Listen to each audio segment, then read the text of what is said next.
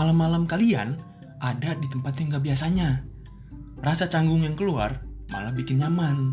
Tapi, tapi nih ya, rasa canggung biasanya akan terjadi saat pertama kali lu nginep. Nah, kalau udah kesekian kali, biasanya lu bakal senak jidat nih ke tuan rumah.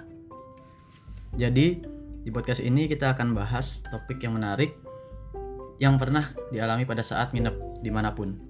Gak lupa juga kita akan bahas topik yang sedang ramai diperbincangkan.